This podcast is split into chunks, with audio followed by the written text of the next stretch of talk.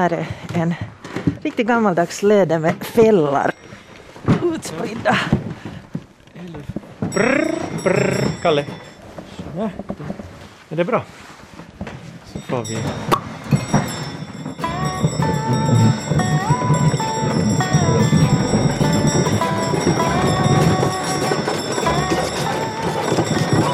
Oj vad det är fint. Men hör du, din häst Kalle här, varifrån kommer han egentligen och hur blev det nog så att, att ni blev då ett par?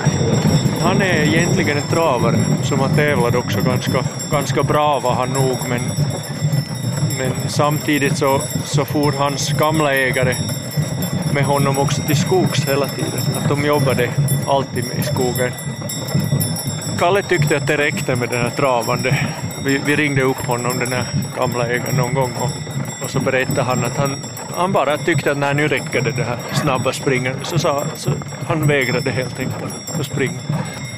Så fick jag Kalle sen som, till låns som arbetshäst och så hade jag honom halva vintern och så måste jag ge honom tillbaka dit till, till Ikalinen på sommaren och så det var så otroligt tungt att ge tillbaka så sen nästa höst när jag började igen och jobba i, i, hos Mika så sa jag att, att jag kommer bara om jag får Kalle och jag köper bort honom att jag vill inte lämna honom en gång till.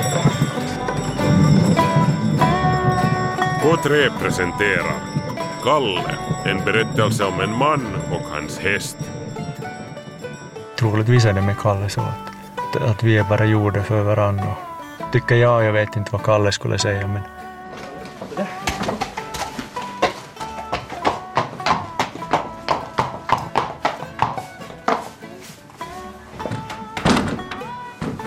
I Horsbäcksstall strax utanför Ekenäs kommer finhästen Kalle just in med husse Kristofror.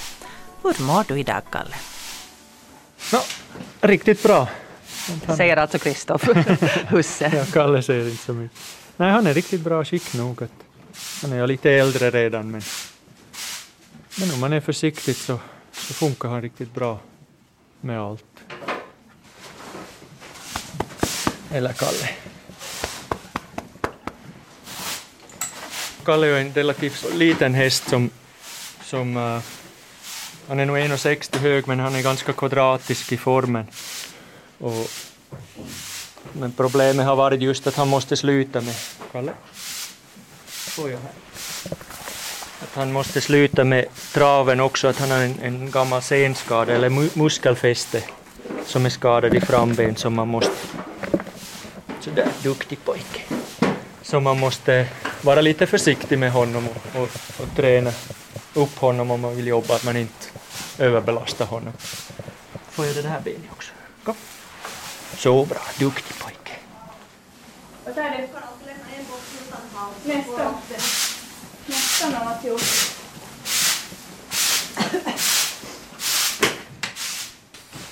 Kalle är en fin häst som är jättejämnt i sin karaktär. Att han, har, han brukar inte ha sådana där bra dagar och sämre dagar. Nu har han lite också men, men oftast är det så när man far med honom att, att han är som han är.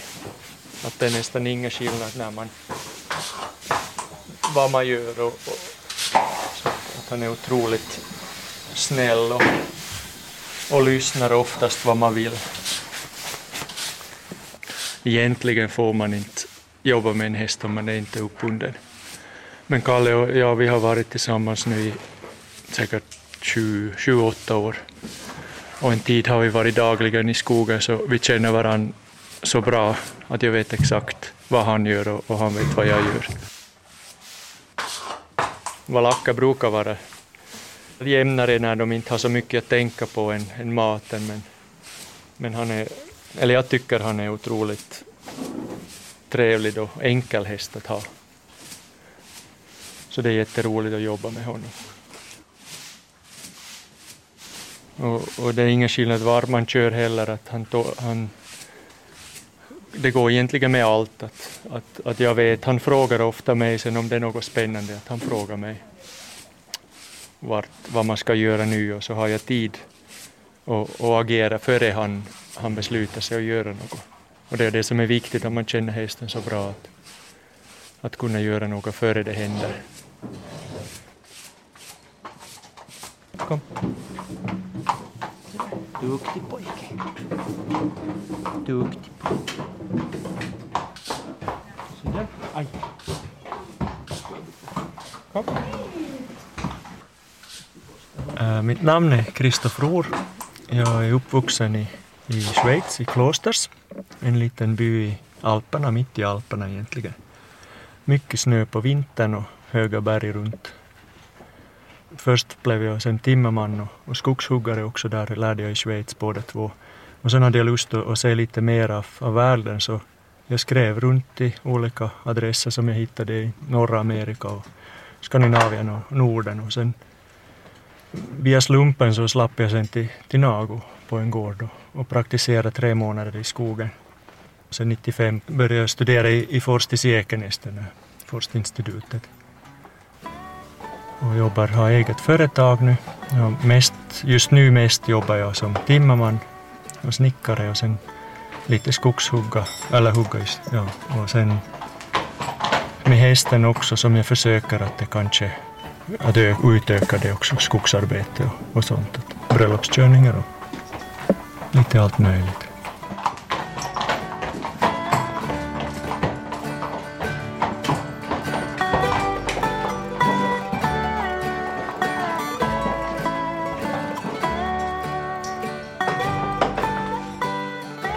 Du sa det att du från början blev timmerman.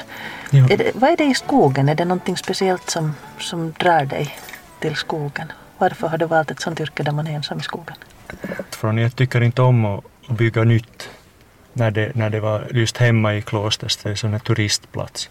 Så det, det är varje gång när man kommer tillbaka dit så saknas det, eller så har försvunnit mycket sådana ängar och, och grönområden och sen är det ett nytt hus där, g- sån här turist eller såna österrikiska stil, såna där chalet-grejer som, som, som jag tycker det är synd att, hjälpa till att bygga sånt. Så därför vill jag, sökte jag något annat jobb som, som man jobbar med naturen mera.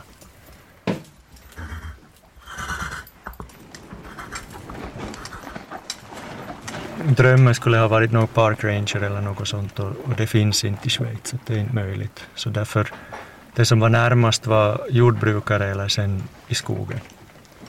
Och, och jordbrukare, eftersom vi inte är jordbrukare hemma så det är nästan omöjligt att, att jobba med det, så, så blev det skogsarbete sen.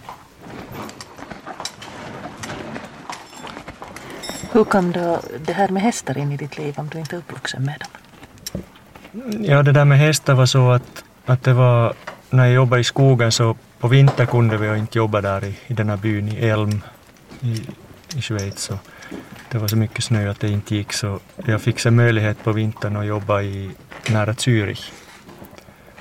Och den, det var en, en avverkning som vi hade. De, det kom en, en tysk bonde med en stor traktor och en, en stor gammal hästtrailer bakom till skogen och, och så när han lastade av de här hästarna, att det var såna, det var två hästar i den här gamla trailern och det var grymma, det var, ena var 900 kilo och den andra 800 kilo. Sydtysk kallblod var det. Det liknade som en ardenner något.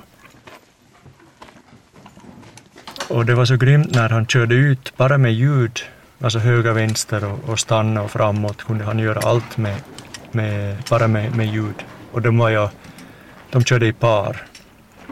Och sen när den största stocken just som han drog ut, att det var, det var en, en, en uh, tysk gran som är tyngre än, en, än den här vanliga granen här. Den var 25 meter lång och, och medeldiameter var 52 centimeter. Så, och då körde ju han ut bara med häst. Och så blev jag fast i det, så, så fick jag hjälpa honom en tid framåt och så, och så bara fortsatte och fortsatte. Att, att det var något med 20-21 var jag. Och tidigare var jag rädd för hästar och jag inte jobbat alls. Jag tyckte att det var inte något att ha. Men, men sen när man såg det där hur det funkar så det på något sätt fastnade det så mycket sen så, så jag slapp inte mera de där, de där hästar sen. Och så har det bara blivit mera och mera. Och först lite att jag var anställd hemma en vinter i skogen och det var ju också mera äventyr än, än jobb egentligen. Det var ju i Alperna. Man hade tre, fyra kubik efter och, och i de här brantarna ner i sådana små som bobsleigh som man gjorde på hösten. Och och trampa upp med hästen sen på vintern. Och jag, har, jag fick en, en häst, en, en Freiberger. Johnny hette han. Och han var 15 år, jobbade han i skogen redan. Och han, han var ju så skicklig att han, han kunde berätta åt mig mer än, jag hade ju ingen aning om hästar så han, han var otroligt bra läromästare där. Och, och visste hur han ska ta mig. Så det, han lärde nog mig otroligt mycket där.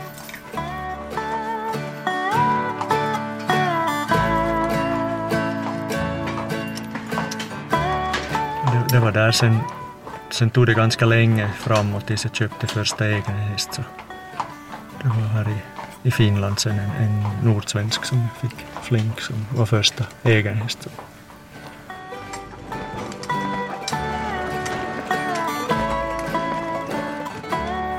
Och sen kom det Kalle sen. Det var, jag sålde Flink bort sen när han var, han var lite svår i att lasta och sånt och sen tänkte jag aldrig mer en häst.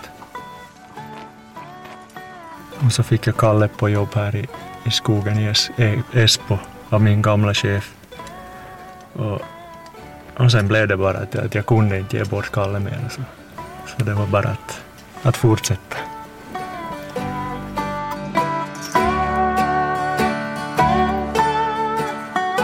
Och nu har Kristoff då ännu en häst, det vill säga ett Ami som han köpte för att skola upp jämsides med Kalle. Men Kalle är och förblir etta. Det låter grymt säkert med sambon också, men, men jag tror inte att jag kan ha ett, ett lika förtroende till en människa som till Kalle. Den jag vet att Kalle är alltid som han är. Att, att han kan inte vara på ett annat sätt. Om det är något så kan han fråga mig direkt. Och, och det borde vara ett förhållande också annars, men, men jag tror inte att, att det kan vara så ärligt. Och, och de kan läsa mig så exakt att, att jag kan inte göra något för honom som han, han märker direkt om att jag inte är jag. Jag tror om man, om man lär känna sin häst så, så är det bara så. Det, det är första.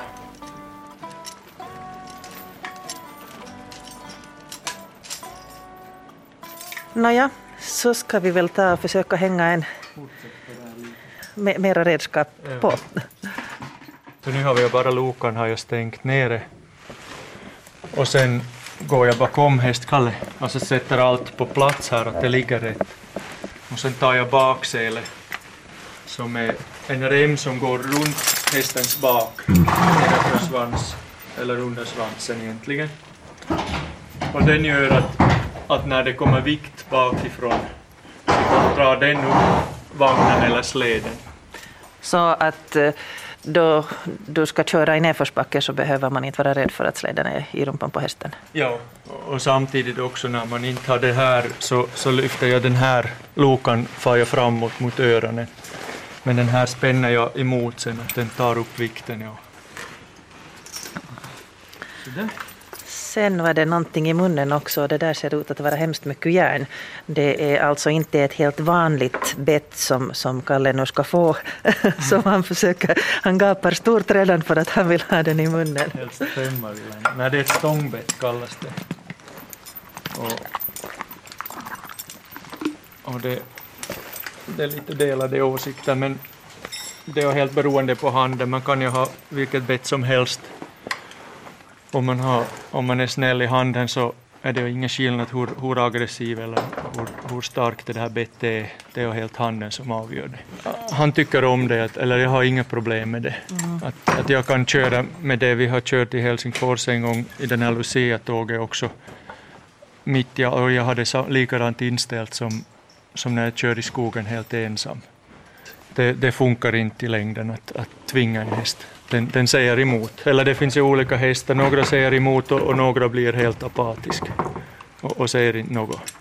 Och, och, det funkar inte heller. Att, att jag tycker man ska, kanske lite för snäll med en häst, men, men jag tycker mycket mer om en häst som, som lyd, lyder av sig själv och, och gör det som jag vill utan att jag måste tvinga den. Att helt naturligt egentligen. Och Kalle, med Kalle funkar det jättebra att han, Kalle säger nog emot när vi har varit, nu har det blivit lite sämre, men vanligtvis försöker jag vara fem dagar i veckan här och, och två dagar att han får ledigt.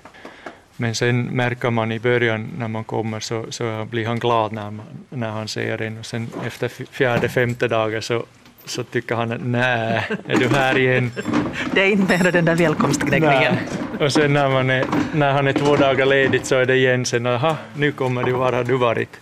Så man märker bra på, på Kalle att, att han trivs nog med att, att göra något. Kommer du?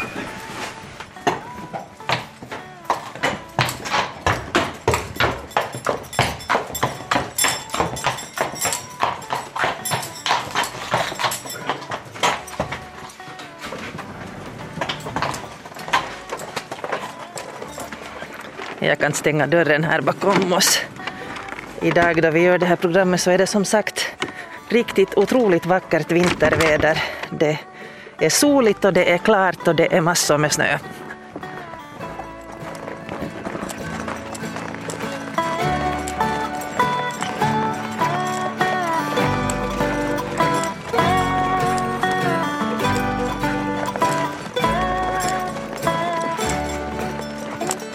Och det som vi gör nu är att vi går runt stallet och klättrar upp på stallets vind.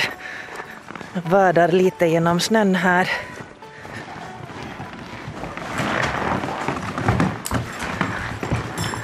Och här i ändan på vinden så finns det en massa halmbalar som då hästarna får ha under sig. Och sen finns här då...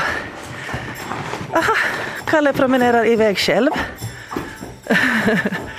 Ta lite mellanmål där fram så får jag laga kärran eller släden i skick. Och så. Det som hände var alltså att han gick vidare. Där bredvid halmbalarna så finns det tydligen också lite hö. Och han ställer sig där och äter medan Ja. han väntar på att du jobbar lite emellan. Ja, jag lagar färdigt vagnen eller just nu.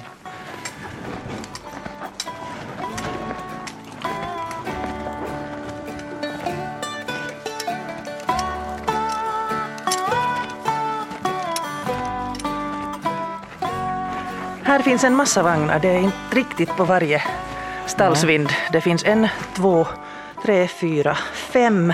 Fyra gamla. En kärra, två slädar och en, är det heter det skrinda den där? Ja.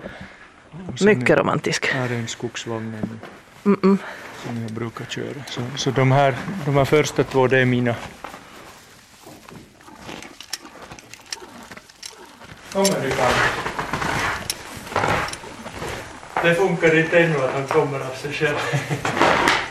Så, kom här. Ni fan. Kom, kom.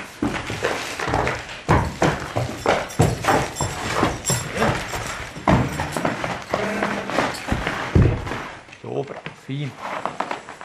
Så det, här, så det första som jag gör är att ta lös tömmar här som har varit fast på selen. Om han far iväg så får jag tag i dem och sen har jag alltid också armen här inne i, tömmer också som säkerhet. Sen är det också med den här selen, den har bra när det på finska selen är det ofta en läderrem som man måste binda och knuta och här är en metalltapp som man sätter fast. Så, så är det fast. Sådär. Sen går vi på andra sidan också.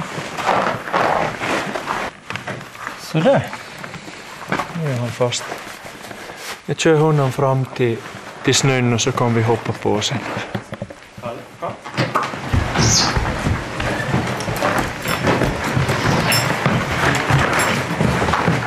Duktig. Sådär. Så nu sitter jag först i och så det blir lite trångt men det blir varmt. Här är en riktigt gammaldags läder med fällar utspridda. Brr, Kalle, jag kan ta det riktigt högt. Är det bra? Så får vi...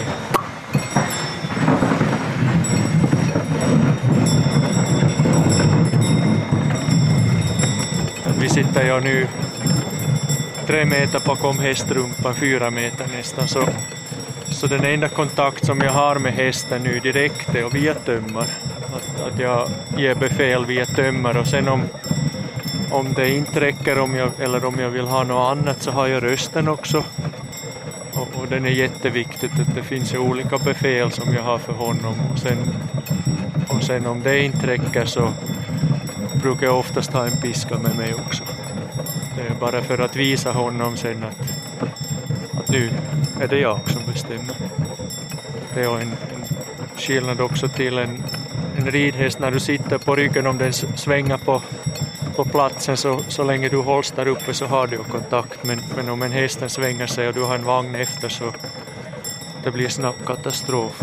Om en häst backar framför en sled eller en, en, en vagn så du tappar all makt. Det är helt omöjligt att styra. Så där är det viktigt att du tvingar hästen framåt sen.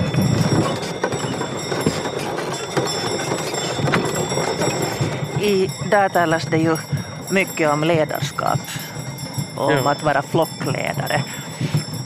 Hur ser du på den saken? Alltså det är nog en häst att det, även om Kalle och jag vi är kompisar, alltså, men det är ändå jag som är chef. Och det måste vara att, att om en häst märker att inte gör det något om jag går lite hårdare eller om jag stannar och äter eller något sånt, så du, har, du har förlorat direkt. Att du måste vara den som, som, som bestämmer, men du, eller du kan vara kompis men du är ändå den som, som säger vad som händer och hur det händer. Och sen är det helt beroende på hästen också att med, med några hästar så måste du vara otroligt stark, alltså bestämd. Att det, det ska faktiskt vara helt, det ska gå rätt eller sen går det inte något. Alltså det, det finns ingenting emellan. Och, och just Kalle är en sån häst att det är inte så stor skillnad, att det, det går lite sådär vi har lärt. Just att vi, jag kan ge lite mer åt honom än vad jag kan ge Dami. Och med henne måste jag vara mycket mer noggrann med körande och allt. Ja, Kalle, han är ju en erfaren körhäst. Låt oss gå tillbaka i tiden till hösten då Kristoff och Kalle arbetade i skogen på Hangeudd.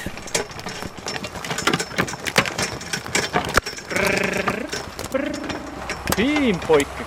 Ja, du var duktig. Jättefin. Här var det mycket speciellt. En, det var mycket tät skog här och ägaren ville ha att det, blir, att det får inte synas något spår i skogen. Det är en andra gallring som görs och, och för att det inte ska synas något så, så ville han ha någon häst eftersom det är alla kvistar och allt, det ska vara riktigt, alltså allt ska ut härifrån. Och det är det att om man kör med traktor ett varv så, så blir det tyvärr lite spår och det, det var det som han inte ville ha.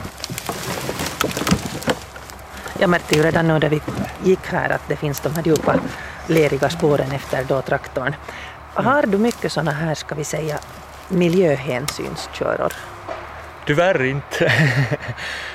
Kanske det blir mera men, men eh, mycket lite faktiskt. Att det, det fanns, troligtvis finns det inte behov helt enkelt. Att, eller så vet folk inte om det eller vad det sen beror på. Men, men jag, har inte, jag har haft tidigare två jobb liknande som jag körde ris också med Kalle men, men inte nu på länge har jag inte haft det.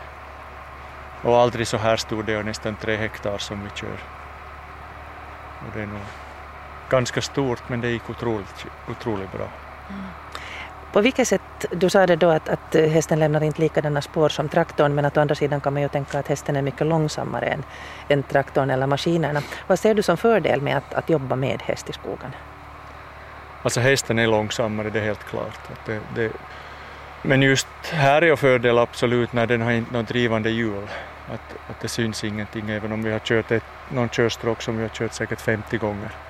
Det enda som syns att det är lite platt från hjulen. Men inte, inte något upprivna spår. Och här är ganska känslig mark när det är sandmark och blåbär och lite mossa på. Att det, det tål ingenting. Kalle? Kom. Kalle. Fint. Upp.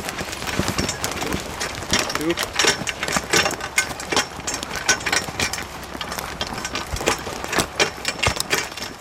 Och om det inte är miljöhänsyn så hurdana köror är det då fråga om? Det är sen nog att man har, om det är mindre område, att det är någon tomt eller något som, som vill ha bort några träd bara. Och lite mindre skogsområde, kanske några gånger lite svåra åtkomliga att man nu, nu slipper jag med häst egentligen var som helst. Att det, det är bara om någon, någon vill ha en häst i skogen och kanske inte vill att, att det syns något spår så, så är det säkert ett jättebra alternativ. Nå, när ni är hela dagen här så jag antar att du har termos och smörgåsar med, men vad har Kalle? Jag har smörgås ja, och termos och Kalle han får havre och sen har jag morot och, och torrt bröd och hö. Och hö har han så mycket han äter bara att han får obegränsat. Och sen vatten får han. Och så brukar vi göra så att vi tar en två, två timmars pass och sen kanske en halvtimme paus och sen två timmar och halvtimme och, och sen två timmar igen och sen far vi hemåt sen.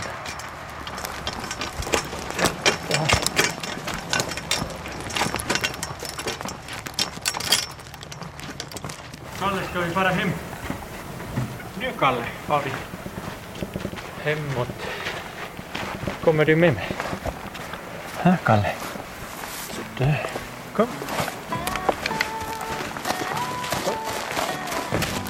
Sådär. Det är just det där med resande när man har häst så det är inte så enkelt när man ska ha bil och trailer och allt möjligt. Så det är ganska mycket jobb varje kväll och varje morgon att fara. Men Kalle är otrolig, eller han är lättlastad oftast så det, det är inte så stora bekymmer med honom.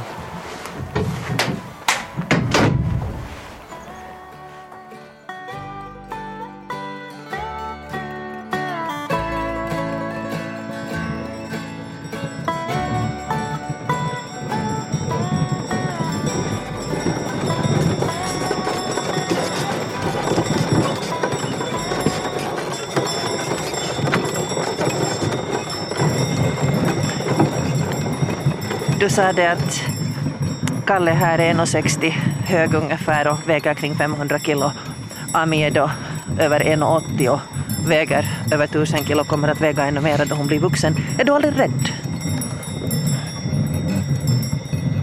Mm, nej, det är inte, inte för Kalle och för Ami är jag inte rädd. Men nu finns det hästar som jag inte alls tycker om. Eller som jag helt enkelt att vi, vi har inte trivts med varandra. Att det, han tycker inte om mig, det ofta är det hingstar. Att han inte tyckte om mig och, och jag tycker inte om honom. honom och, och det blir ganska besvärligt sen att, att komma över det. Att det är sån här gemensam. Men det, det gick sen. Jag hade, I Schweiz hade jag en sån också som jag måste sköta stallet där. Och, och det gick sen när jag fick jobba med honom mera, att vi lärde känna varandra, så försvann det lite, men, men i början att det var nog helt hopplöst. Och sen märker jag en häst direkt, om man har respekt, eller respekt får man ha, men man får inte vara rädd. Men om, om han märker att, att jag är rädd för honom, så vet han ju att han har vunnit över mig. Så han behöver ju inte lyssna. Och så far det direkt. Och, och det går inte att, att säga åt mig själv att nu är jag inte rädd. Att, att hästen säger det, jag är 50 meter ifrån, att, att den här typen spelar att han är inte rädd, men jag, han känner av det direkt. Att det, det är nog omöjligt att, att dölja en rädsla för en häst.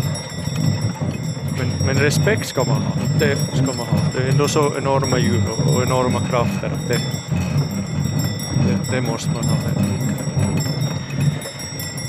Så horsemanship behöver inte betyda att man hanterar alla hästar? Eller vad betyder horsemanship för dig? Alltså jag, är, jag är egentligen nöjd om jag klarar Kalle och Ami bra. Att det är mina hästar och, och jag kan köra säkert andra hästar. Och, och jag kan leda ut hästar och jag kan säga åt dem vad jag vill. Men jag behöver inte. Det, det, jag behöver inte gå i en främmande box och, och kunna att hästen ligger ner eller något sånt. Det behöver jag inte. Att för mig räcker det om jag klarar Kalle och Ami.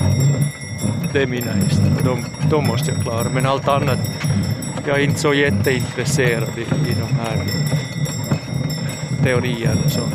Det, jag behöver inte. Berätta lite om hur det känns att köra liksom släde jämfört med kärra. Uh, eller jag tycker om det där med släden, att ljudet är helt annorlunda. Just det här knarrande när det är kallt och, och när det är lite mer av våtsnö så det är helt tyst. Man hör ingenting. Och sen, nu hör man ju pingla, Kalles pingla där framme. sen ofta kommer jag till stallen när det är mörkt, att jag jobbar hela dagen och så kommer man hit sen och, och det kan vara helt tyst. Och det är mjukare med släderna, det har längre, de är medare längre och så några gånger just när man somnar i släde, så alltså med, med Kalle man jag känner så bra honom när jag har tömmar i handen så jag vet vad han gör. Och så märker man bara när man går bredvid att det blir mer som en guppid eller något. Så märker man att nu är vi bredvid vägen så måste man igen titta var är vi och så kan man styra tillbaka så kan man igen. Det, det är så, så fint med, med släden, det är helt otroligt. Sen vagnen är ju skönt också, det är så olika med olika om man har en gammal vagn, de är ofta otroligt fina att köra med. Alltså det är som en, en Mercedes eller en Rolls Royce och sen om man har en ny vagn så, så de kan vara riktigt som en, jag vet inte vad man får säga, men något sånt här billigt. Det här, nu kommer vi en möjlighet att svänga här och gå tillbaka och den andra om vi fortsätter så blir vi det... Vi kan svänga. Svänga, ja. ja. Här är en bra, ett bra ställe att svänga. Duktig pojke. Fin. Det är en hel del också, ska vi säga, investeringar i en sån här verksamhet. Det är inte helt gratis att fixa upp en hundraårig gammal vagn till exempel. Nej, det, man kan nog köpa en liten bil nästan för, för samma pengar nog. Men den är jättefin att åka med. Och både för, för barn och sånt så vet man att allt håller. Och, mm. och med handikappade har varit ofta här. Och, så det är sån här trygghet också att man vet att man behöver inte vara sådär jätteförsiktig med vagnen. Att de, de får hålla i sig och, och ha fötter på bänken och att det håller. Mm. Det är också ett ansvar då du kör omkring på folk. Jag menar taxichaufförer måste ha sin licens och här är det ändå fråga om då ett levande djur. Ja, alltså det, det är ganska stor ansvar just. Vi, vi märkte i år fick jag första gången fara till julgatans öppning i Ekenäs till exempel med den här Kungsgatan när det, alltså det står folk ända fast i vagnen och så har man hästen framför och, och barn och barnvagnar och, och grejer och, och, och, det är nog otroligt stort ansvar nog. Att det är nog just viktigt att man vet att hästen klarar sig, man har ju aldrig, 100 procent kan man aldrig vara att det inte händer något men 99,9 procent säker kan man vara. Man måste kunna läsa hästen före han gör något så måste man kunna agera egentligen. Men om, om han hinner göra något före så, så är man ju för sent. Att det, och, och den då vagnen är utan folk är den över 300 kilo och hästen är 500 kilo. Och, och det är ingen skillnad hur mycket jag står på bromsen att, att om hästen far så den far med vad som helst. Att det, det är nog bara så. Kalle, kom.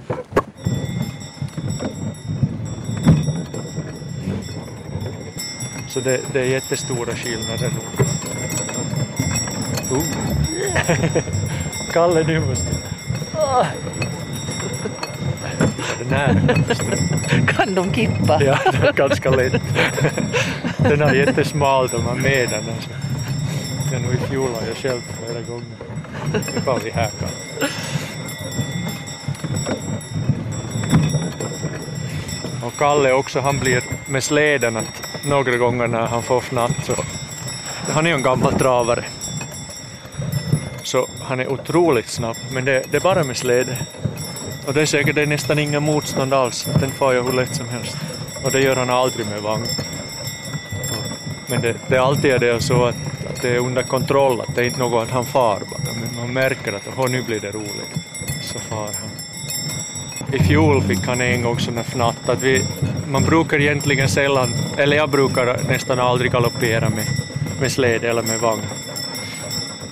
Men i fjol lät jag honom fara så han var full galopp på släden efter. Det var stritta snö. Det var riktigt roligt. Man märkte att han tyckte om det också.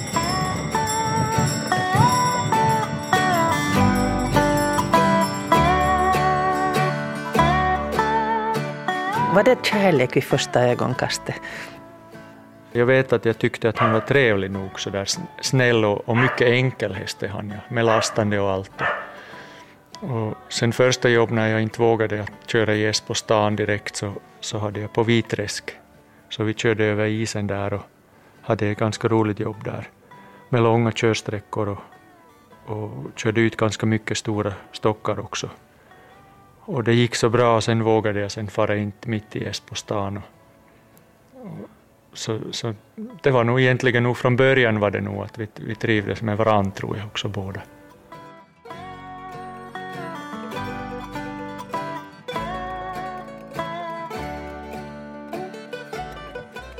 Kalle, kom.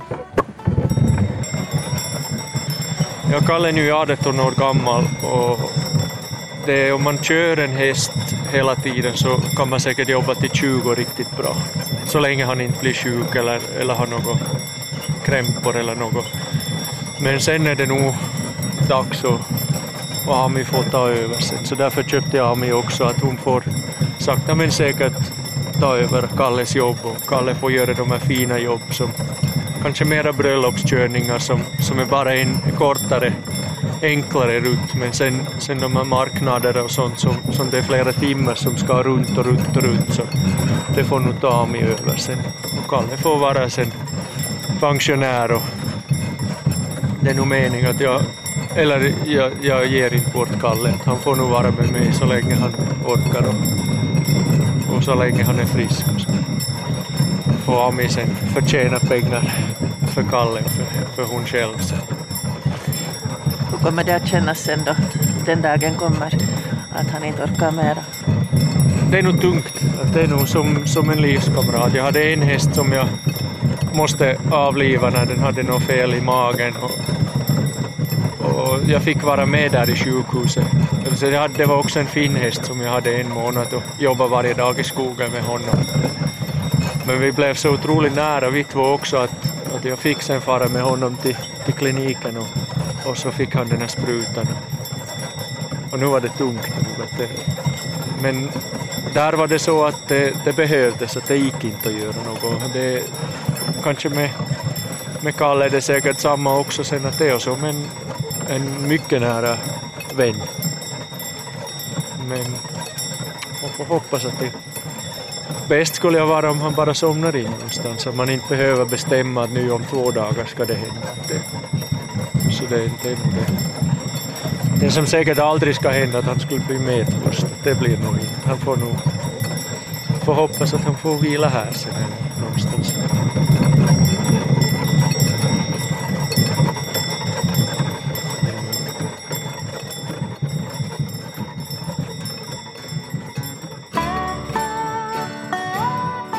Du har hört radiodokumentären Kalle. Hästkarlen heter Kristoff Rohr.